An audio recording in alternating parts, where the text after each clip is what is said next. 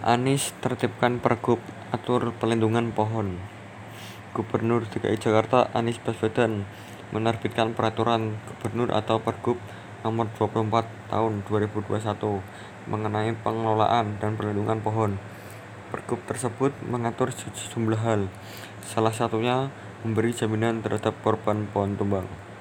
Kepala Dinas Pertamanan dan Hutan Kota Provinsi DKI Jakarta Susi Marsitawati awalnya menjelaskan, Pergub ini diterbitkan untuk menanggulangi dampak perubahan iklim serta mengurangi emisi gas rumah kaca. Selain itu, penetapan Pergub bertepatan dengan Hari Bumi.